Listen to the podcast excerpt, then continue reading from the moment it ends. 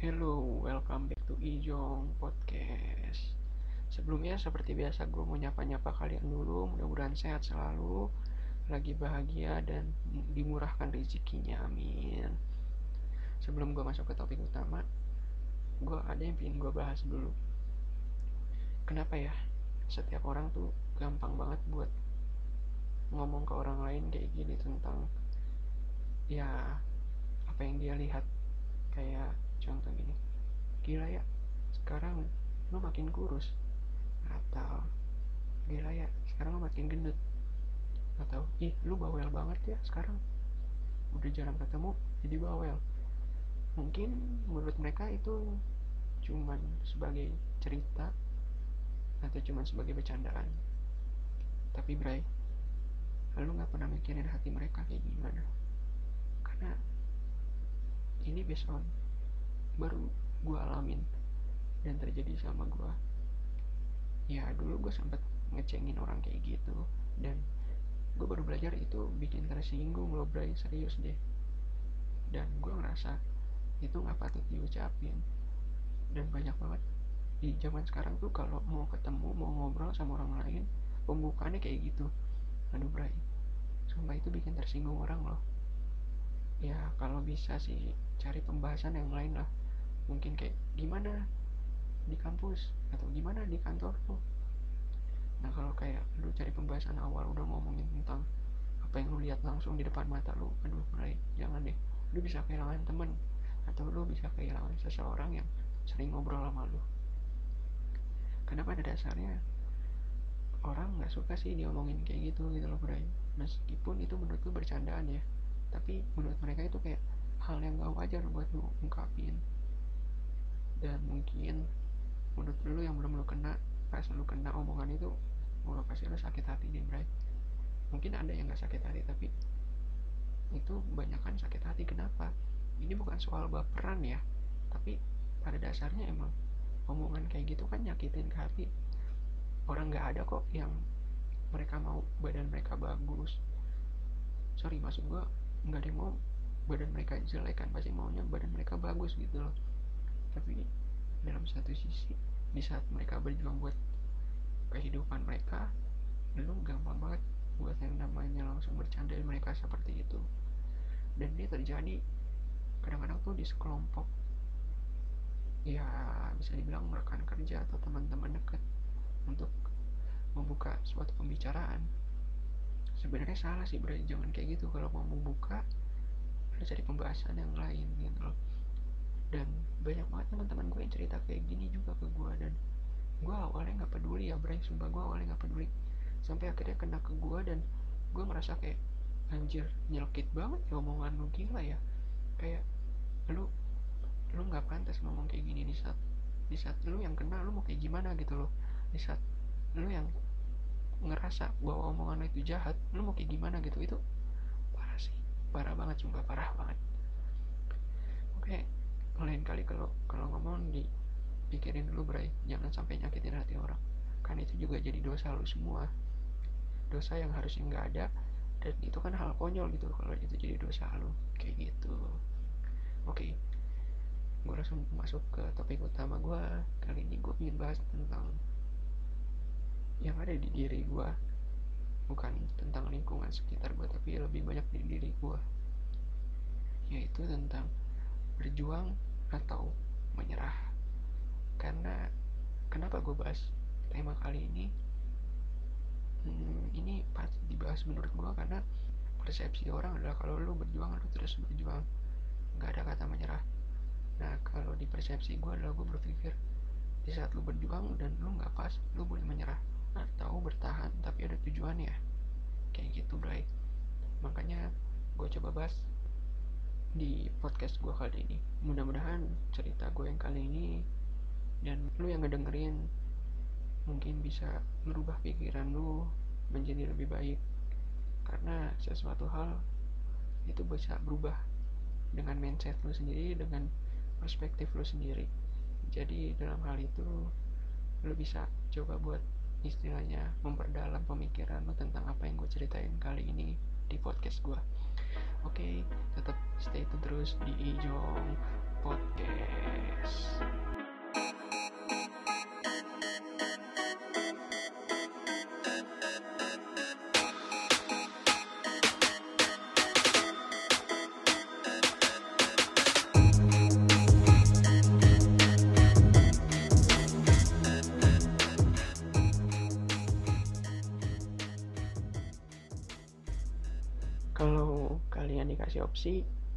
Lebih memilih berjuang atau menyerah.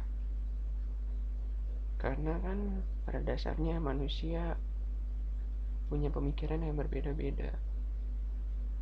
Ya begitu pula gue dari tema gue ini gue bakal ceritain ke kalian tentang kisah gue gue lebih memilih berjuang atau menyerah. Kata-kata berjuang atau menyerah itu gue bisa mengambil dari sikap gue di saat gue udah mulai beranjak dewasa. Kenapa gue bisa bilang kayak gitu?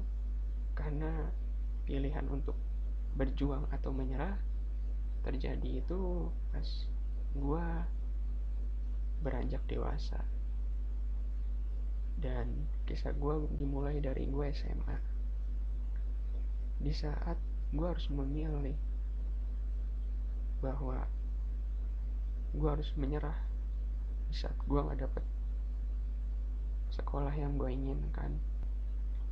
Dan pada dasarnya pun gue udah coba berjuang. Tapi ya gue balik lagi dalam pemikiran bahwa perjuangan gue ya mungkin cuma di sini. Dan gue menyerah sama keadaan. Ternyata otak gue nggak sepinter itu. Jadi gue harus masuk sekolah yang gue bilang bukan favorit gue tapi at least Tuhan itu baik. Dia bakal ngasih segala jalannya. Di saat lu nggak suka sama suatu hal contohnya kayak gue gue nggak suka sekolah itu tapi gue punya banyak teman di situ jadinya.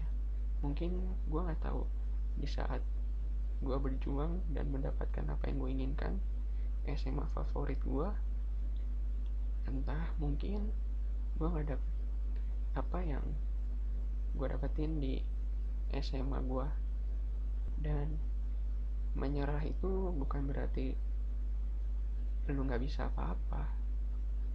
Menyerah itu adalah di saat titik kemampuan terhebat lu udah mengatakan lu sudah sampai titik maksimal. Dan lu udah nggak bisa buat melakukan apa-apa lagi. Makanya kenapa banyak di luar sana nggak hanya gue doang mungkin yang ngedengerin sama. Mereka akan melakukan menyerah pada satu titik. Banyak kok. Ya karena kan berjuang dan menyerah itu bisa dibilang jadi satu aliran. Hmm, bukan aliran sih sorry. Maksud gue satu alur lah. Kalau lu nggak berjuang ya lu bakal menyerah. Atau nggak juga sih sebenarnya. Jadi kalau lu nggak berjuang ya lu nggak ada kata menyerah. Nah itu maksud gue dan lu menyerah kalau lu nggak berjuang apa yang lu nyerahin? Kayak gitu dan di dunia ini kan bukan kita doang yang hidup. Bukan tentang kita aja. Banyak di luar sana pun yang berjuang kayak kita. Jadi at least bukannya lu harus menyerah sih. Tapi lu harus lebih giat buat berjuang. Karena perjuangan lu mungkin akan terbayar di saat lu sudah mendapatkan kata nyerah yang begitu banyak kenapa bisa gue bilang banyak? Orang-orang yang sukses itu ada yang bilang pantang menyerah. Enggak juga sih Bray. Menurut persepsi gue mereka yang sukses pasti ada menyerahnya. Dan mungkin ada orang yang belajar dari kegagalan. Ada orang yang belajar dari dia nyerah. Kenapa gue bisa bilang kayak gitu? Karena gue salah satunya. Gue adalah tipikal yang banyak belajar dari gue nyerah sih dibandingin gue gagal. Karena di saat gue nyerah gue bisa berpikir lebih gue bisa mencari hal yang lebih baik. Kalau gagal kan ya lu ngulang lagi. Ya dan bahkan lu cuman ya stay di situ-situ aja. Dengan kegagalan lu lu pingin mencoba lagi mencoba lagi dan mencoba lagi kalau gue adalah persepsinya bahwa kalau gue nyerah gue bisa mencoba hal yang lain. Dan mungkin bisa dibilang ya gue orang yang give up atau orang yang ya udahlah nggak bisa stay di situ gitu loh istilahnya. Ya setiap orang punya pemikiran macam-macam sih Bray. Gue termasuk yang gampang menyerah memang. Ya mungkin bawaan entah gue juga nggak tahu tapi yang pasti ya itulah gue bahkan semenjak gue mulai lulus dari SMA mencari kuliah perjuangan gue tuh begitu besar banget kalau gue kira ya. Karena kalau kalian mau tahu gue dulu sempet yang namanya ikut SBMPTN gue gak terima ya maklum lah gue gak pinter-pinter amat gue coba ujian mandiri. Hmm, dari Banten waktu itu gue ke Jakarta. Gue berjuang. Berjuang bersama temen gue berdua dan temen gue yang dapet. Gue gak dapet. Padahal perjuangannya sama-sama. Punya duit sedikit naik bis. Waktu itu belum ada ojek online jadi gue naik bis. Di saat gue naik bis duit gue kurang akhirnya gue ngemis-ngemis atau mohon-mohon sama kondektur bisnya. Ya akhirnya alhamdulillahnya mereka punya hati nurani yang baik banget. Akhirnya gue cuma bayar setengah. Karena kenapa? Setengah lagi gue pakai ya buat jajan lah buat istirahat nanti habis ikut tesnya. Dan gue sama-sama berjuang sama temen gue dari tempat bis itu gue jalan kaki gue nyari tempat buat ujiannya. Terus gue berjuang ngerjain tugasnya itu loh. Ujian mandirinya lah bisa dibilang. Meskipun gue nggak pinter-pinter dalam matematika gitu lah istilahnya. Ya tapi dan kalau boleh dibilang ujiannya nggak cuma di situ doang. Gue harus berjuang lebih banyak lagi. Ada ujian kedua yaitu fisika. Ya matematika aja gue nggak bisa apalagi fisika gitu bray. Bener-bener berat banget buat gue tapi ya gue lanjutin gue usahain gue perjuangin. Sampai akhirnya singkat cerita ada himbauan kelulusan. Pas gue cek teman gue udah dapat di email dia ngasih tahu gue bahwa dia lulus. Tapi ternyata gue enggak bray. Dan di situ titik menyerahnya gue kenapa gue bilang menyerah ya ternyata kampus yang gue inginkan nggak dapet. Dan itu ada jalan terakhir buat dapetin kampus yang gue inginkan. Tapi at least Tuhan itu baik. Gue selalu ngomong gitu karena selebihnya gue dapat kampus yang gue punya banyak teman lagi. Gue adalah tipikal orang yang suka berteman. Jadi setelah gue dapetin kampus yang lebih nyaman karena banyak teman at least gue bisa melupakan kampus yang jadi favoritnya gue dan perjuangan gue berlanjut terus sampai gue kerja sekarang. Dulu pas kuliah dengan begitu banyaknya tugas perjuangan itu berlanjut sampai gue lulus. At least ada nilai yang baik ada nilai yang jelek. Tapi semua tuh terbayarkan sih gara-gara gue berjuang ada lah pasti perjuangan itu ada nilainya nantinya. Ya kayak gue gue dapet nilai yang begitu bagus. Ya istilahnya IPK gue gak kecil-kecil amat bray. Dan itu lumayan ngebantu gue di saat gue mencari kerja. Tapi kan kerja di Jakarta nggak segampang itu. Nggak segampang dengan IPK lu yang besar. Jadi di saat gue udah lulus gue mencari kerja. Dan gue coba lowongan-lowongan yang begitu banyak di Jakarta. Gue coba satu demi satu. Email demi email gue balas-balasin dari teman-teman gue yang ngasih gue kerjaan.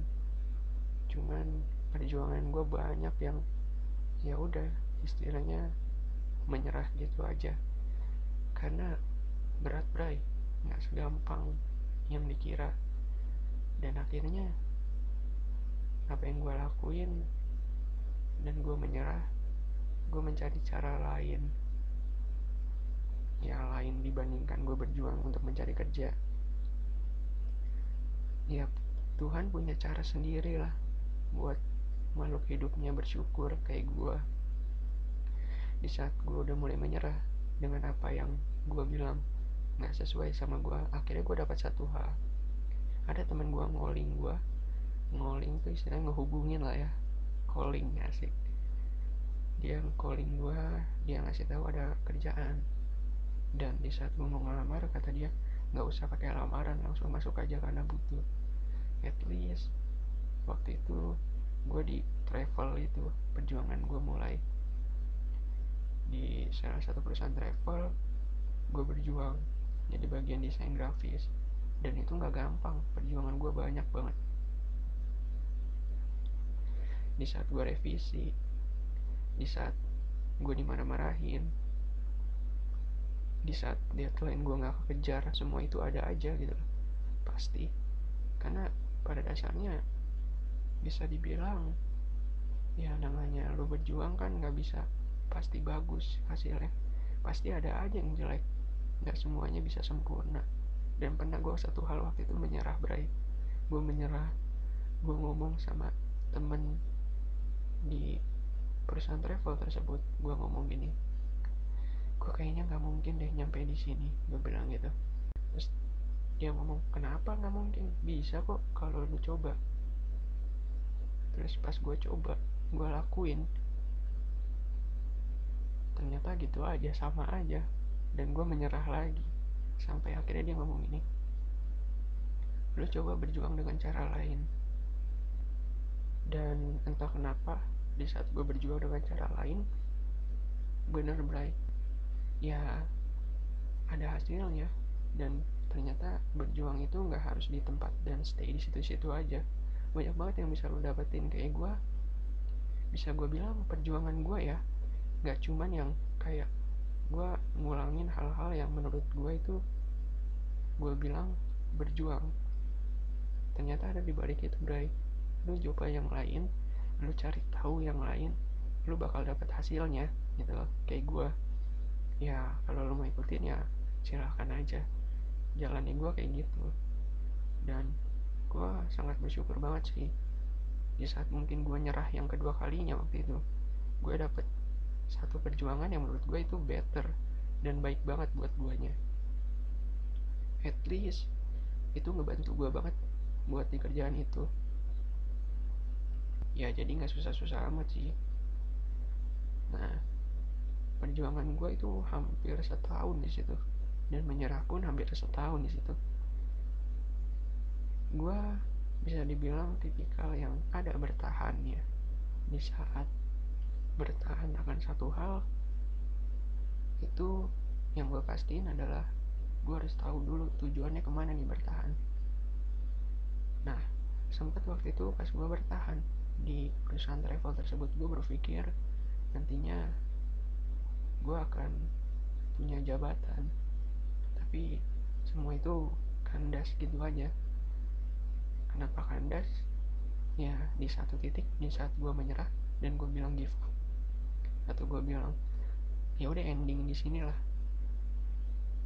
Ya ternyata teman gue ngasih tahu bahwa yang naik jabatan itu bukan gue ada orang lain. Jadi bisa dibilang orang lain itu yang dapetin. Dan ya udah gue menyerah gue resign gue cari kerjaan lain. Dan di kerjaan lain itulah gue dapet sesuatu yang menurut gue gue berjuang di tempat lain dan ya hasilnya bagus. Serius. Hasilnya di luar dugaan. Gue bekerja di salah satu perusahaan yang lumayan terkenal. Jadinya bukan di perusahaan bisnis travel lagi tapi masih di bagian marketing dan di bagian staffnya. Jadi gue bukan desain grafis lagi lah istilahnya. Deadline gue juga berbeda. Ya bisa gue bilang perjuangan tuh macam-macam bray. Di saat lo berjuang dan lo menyerah ada hal lain. Perjuangan itu nggak harus di situ-situ aja sih. Dan menyerah itu ada baiknya. Karena menurut gue menyerah bukan berarti lu mundur. Tapi lu mencari atau mengolah otak lu buat cari sesuatu yang lain. Bahkan kalau gue bilang gue berpikir tipikal yang gampang menyerah karena ada baiknya menyerah itu. Lo bisa berpikir lebih baik lagi lo bisa mencari ke mana lo harus berjalan. Nah itulah gue and anyway ngomongin tentang berjuang dan menyerah ada yang bertahan.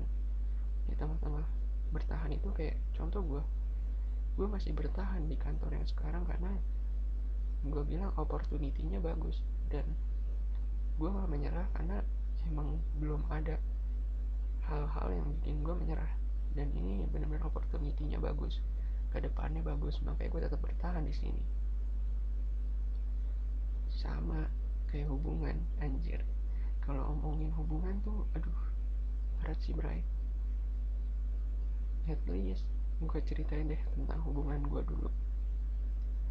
Gue dulu sempet berhubungan sama salah satu perempuan di sekolah gue di SMA dan perjuangan gue itu banyak banget. Dari yang dihargain sampai nggak dihargain. Dan ya perjuangan gue terbayar akhirnya. Tapi enggak dengan di kuliah gue mungkin karena gue fuckboy kali ya. Jadi gue sering gonta ganti cewek. Gue lucu kalau udah ngomongin itu jahat banget. Jadi at least gini uh, dulu gue pas bisa dibilang gue kuliah itu banyak gue berjuangnya juga. Banyak yang gak dihargain ya malah. Karena mungkin zaman zaman kuliah kan orang-orang udah terbiasa kali dengan pacaran. Udah bukan hal yang tabu lagi. Jadi sebuah perjuangan itu nggak dianggap sebuah hal yang kayak wah banget atau hebat banget gitu loh makanya banyak banget perjuangan gue yang gue bilang gue nyerah di situ gue mencari yang lain. Ya tapi ada sih perjuangan gue yang gue bertahan.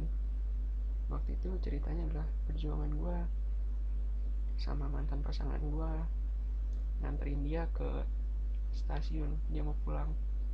Itu awal-awal gue pacaran asik. Awal-awal gue pacaran waktu pas di kuliah. Hmm, gue deket sama salah satu temen sekampus gue tapi beda jurusan.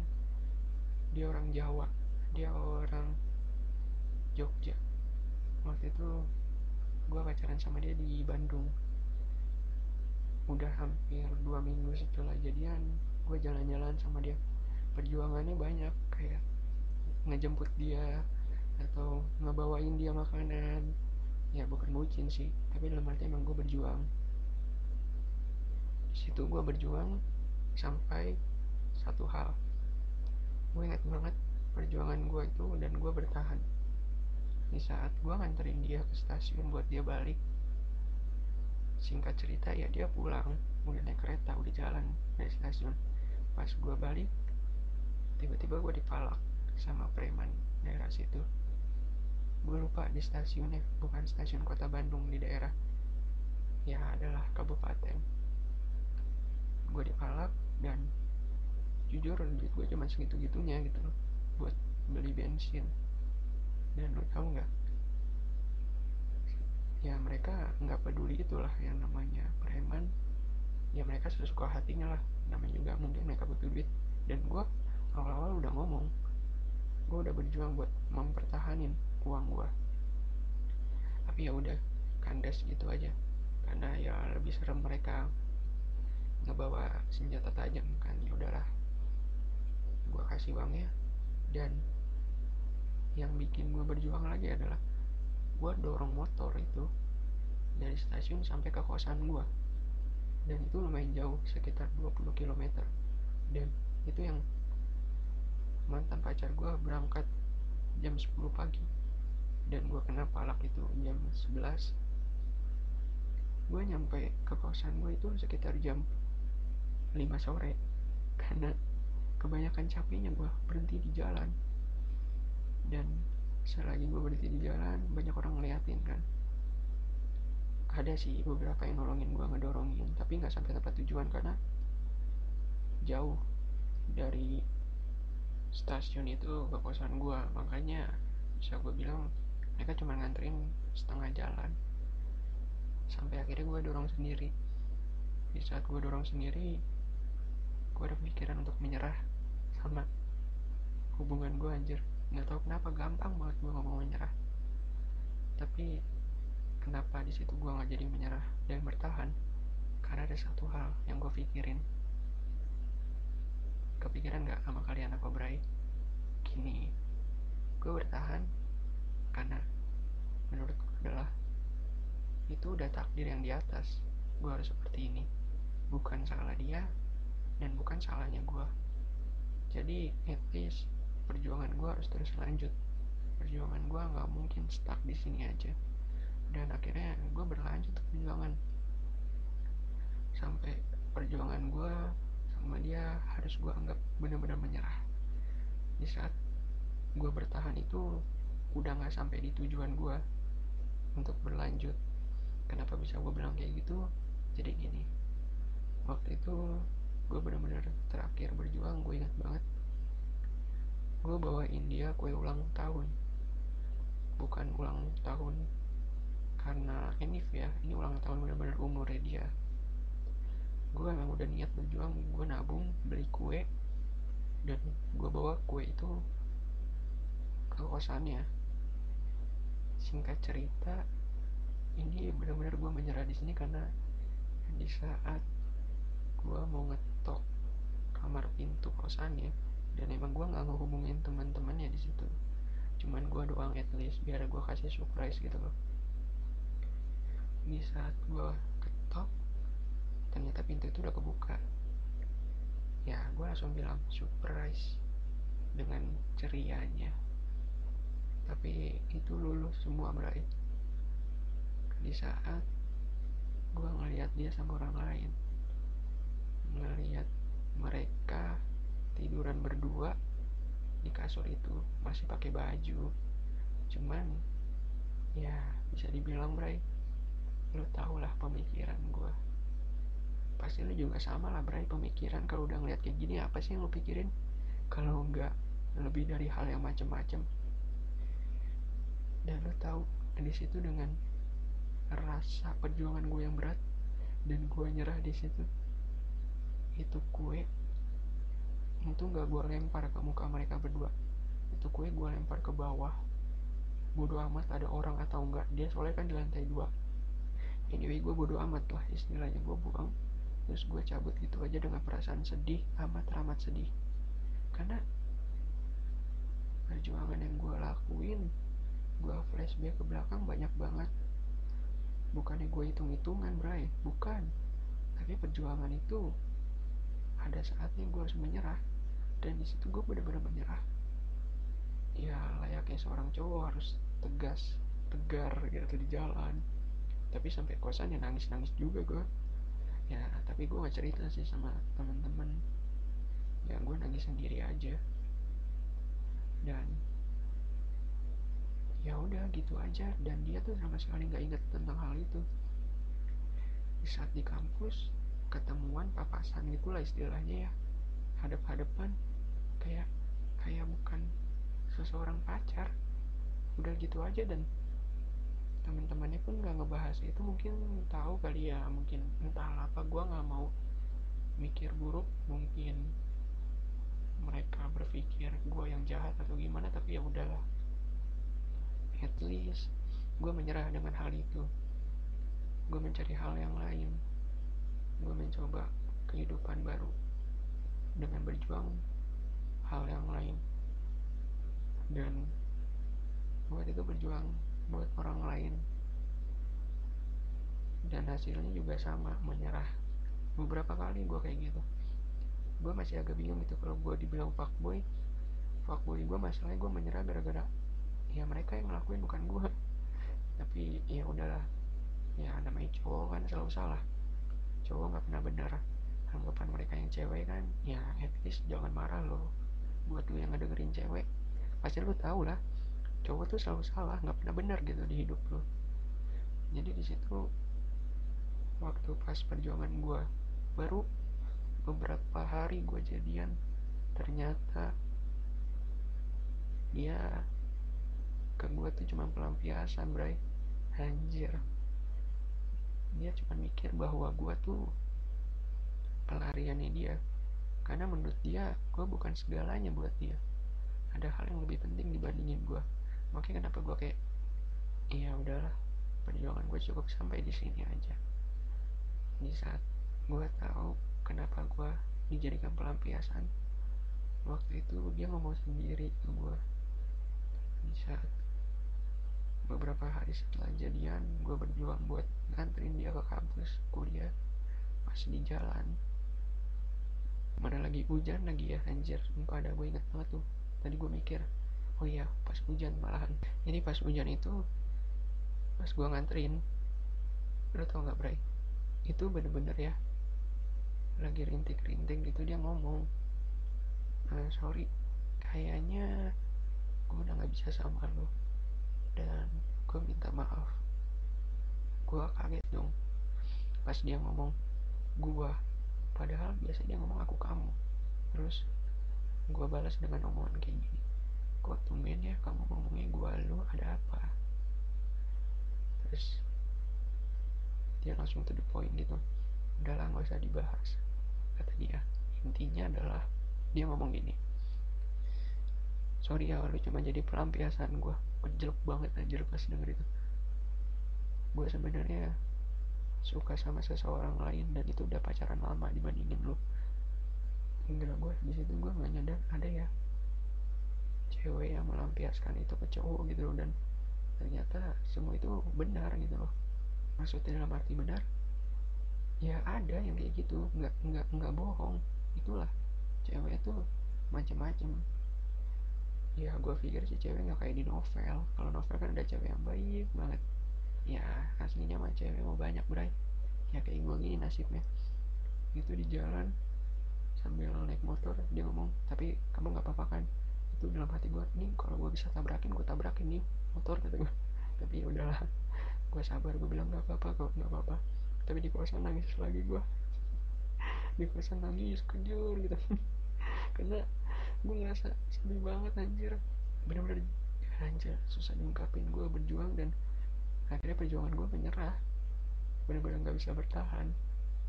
Karena alasan tersebut gitu masa ya gue harus berjuang terus dong kalau dia emang udah punya orang lain dan dia nggak ngomong itu sama saya dari awal. Ya anggapannya emang ya kayak pacaran baru aja gitu gila.